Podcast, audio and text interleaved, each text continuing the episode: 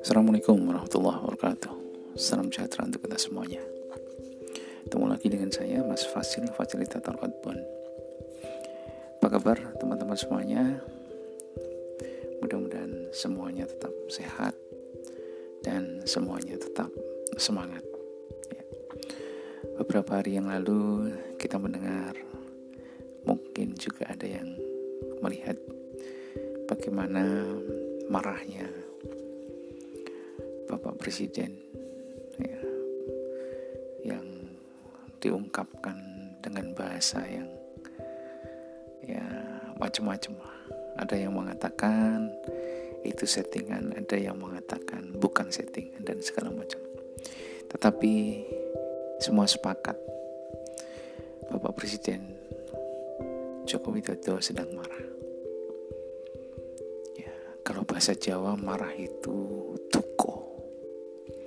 dan kalau orang tua sudah tuko atau sudah marah, biasanya anak-anaknya akan diam, mendengarkan, bahkan tidak berani bergerak sedikit pun.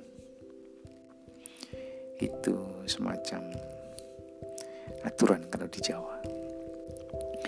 Oke, tetapi saya mau bercerita. Mungkin ada sedikit kaitannya dengan hari itu ada cerita yang menarik dari Bruno Hexpril. Suatu hari Frederick Raja Jerman Raya sedang melewati masa yang sulit untuk menyimbangkan anggaran belanja negerinya. Mungkin hampir sama dengan saat ini. Hampir sebagian besar negara juga sedang kesulitan ekonomi dengan uh, pengaruh dari pandemi itu sendiri.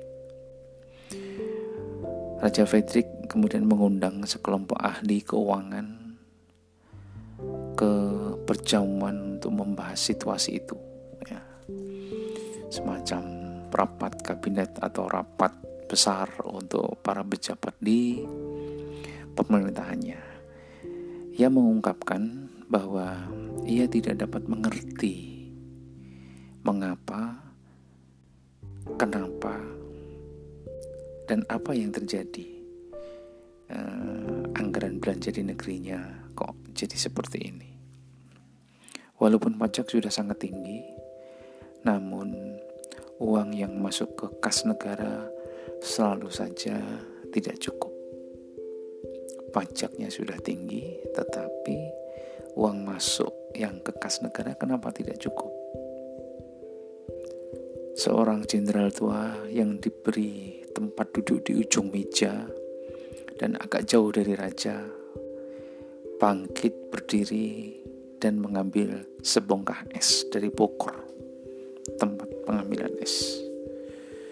Kemudian ia menggenggam es itu sesaat.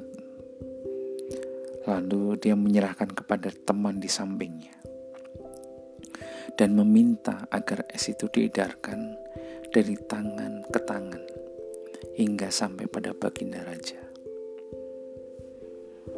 Ketika es itu sampai di tangan raja, ukurannya hanya kira-kira seperlima dari ukuran semula. Jenderal itu kemudian berdiri dan izin berbicara. Baginda, pelajarannya sangat jelas ada terlalu banyak tangan dalam pemerintahan.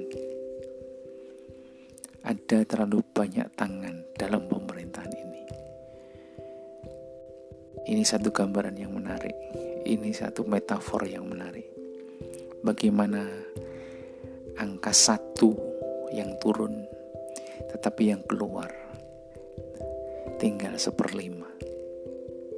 Empat perlimanya itu entah hilang ke mana hilangnya ketahuan sebetulnya. Hilangnya karena banyak tangan yang memegangnya. Karena banyak tangan yang mengambilnya.